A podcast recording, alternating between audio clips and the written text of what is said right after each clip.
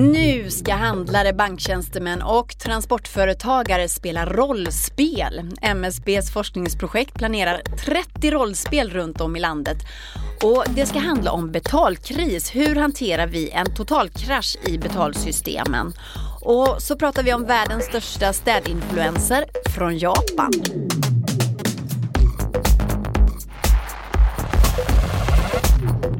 Det är den 24 januari och reporter Johanna Ekström har klivit in i poddbåset med mig. Varmt välkommen. Tack. Du, jag har varit på en allvarlig tillställning idag. Okej, vad, vad då?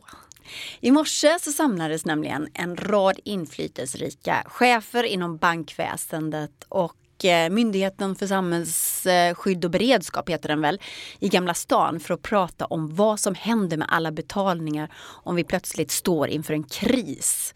Alltså om betalsystemet kraschar, om ingen kan betala med kort längre. Och då pratar vi inte om bara några timmar utan vi pratar om dagar, kanske över en vecka. Skulle du vara beredd för det? Nej, det låter hemskt. Mm.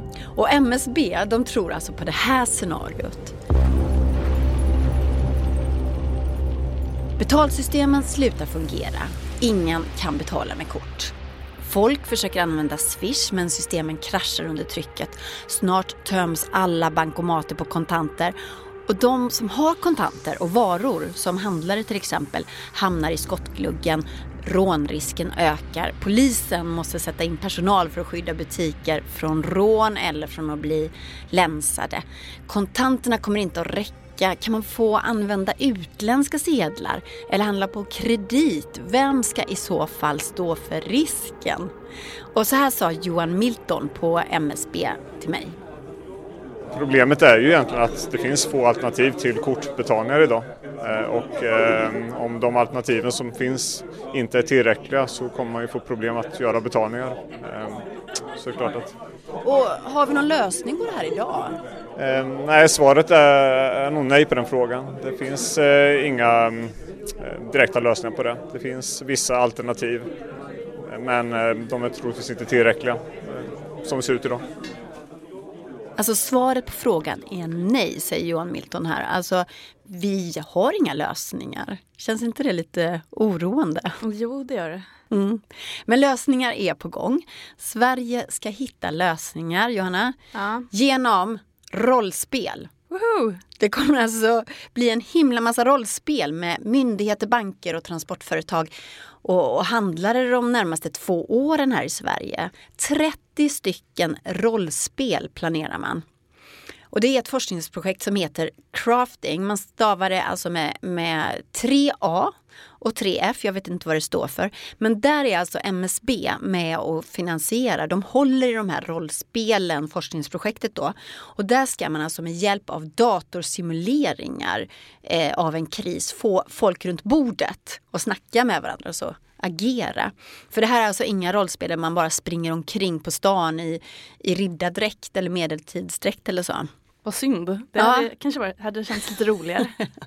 Men här sitter man alltså runt ett, eh, ett bord och, och, tanken med det här det är helt enkelt att man då tillsammans ska komma på lösningar eftersom alla runt det här bordet då har, har olika perspektiv. Okej, men de här 30 rollspelen var, var ska de hålla dem någonstans? Är det runt Stureplan eller? Nej, nej, nej, nej. Det är runt om hela landet. Nästa stora eh, rollspel, ett har man redan hållit, men nästa stora det ska gå av stapeln i Värmland och där har Länsstyrelsen bjudit in alla inblandade till en stor idrottshall, kommuner också. Och, och där ska man alltså sitta Eh, kanske hundratals människor och simulera betalkris, eh, betalsystemkris. Och så fram till 2020 så är det alltså 30 liknande rollspel som ska hållas runt om i Sverige. Och eh, sen så ska det här forskningsprojektet då sammanfatta alla lärdomar. Vad bra. Men då får vi hoppas att det inte blir någon allvarlig betalkris innan det här är klart då.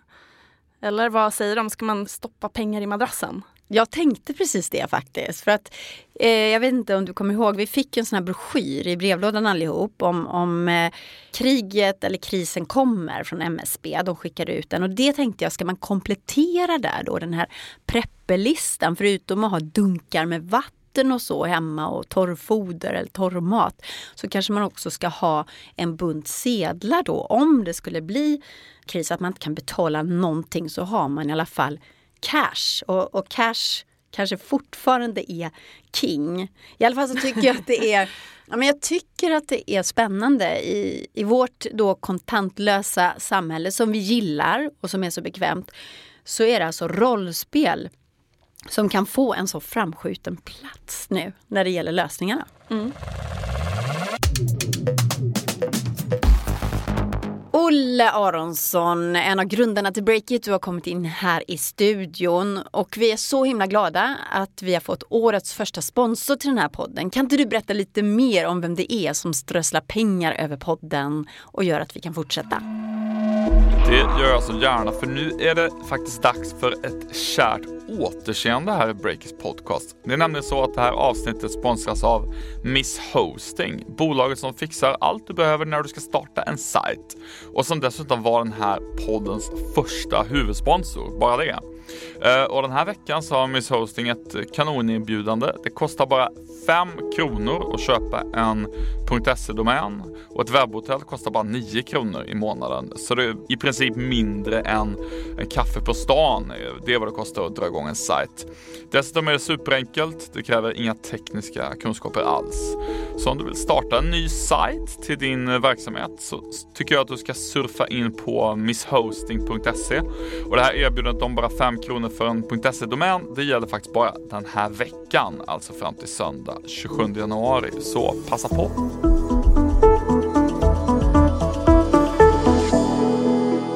Och så ska det handla om en superstjärna och städexpert som hamnat i blickfånget, igen kan man säga, med en ny tv-serie på Netflix. Johanna Ekström, du är alltså reporter på Breakit.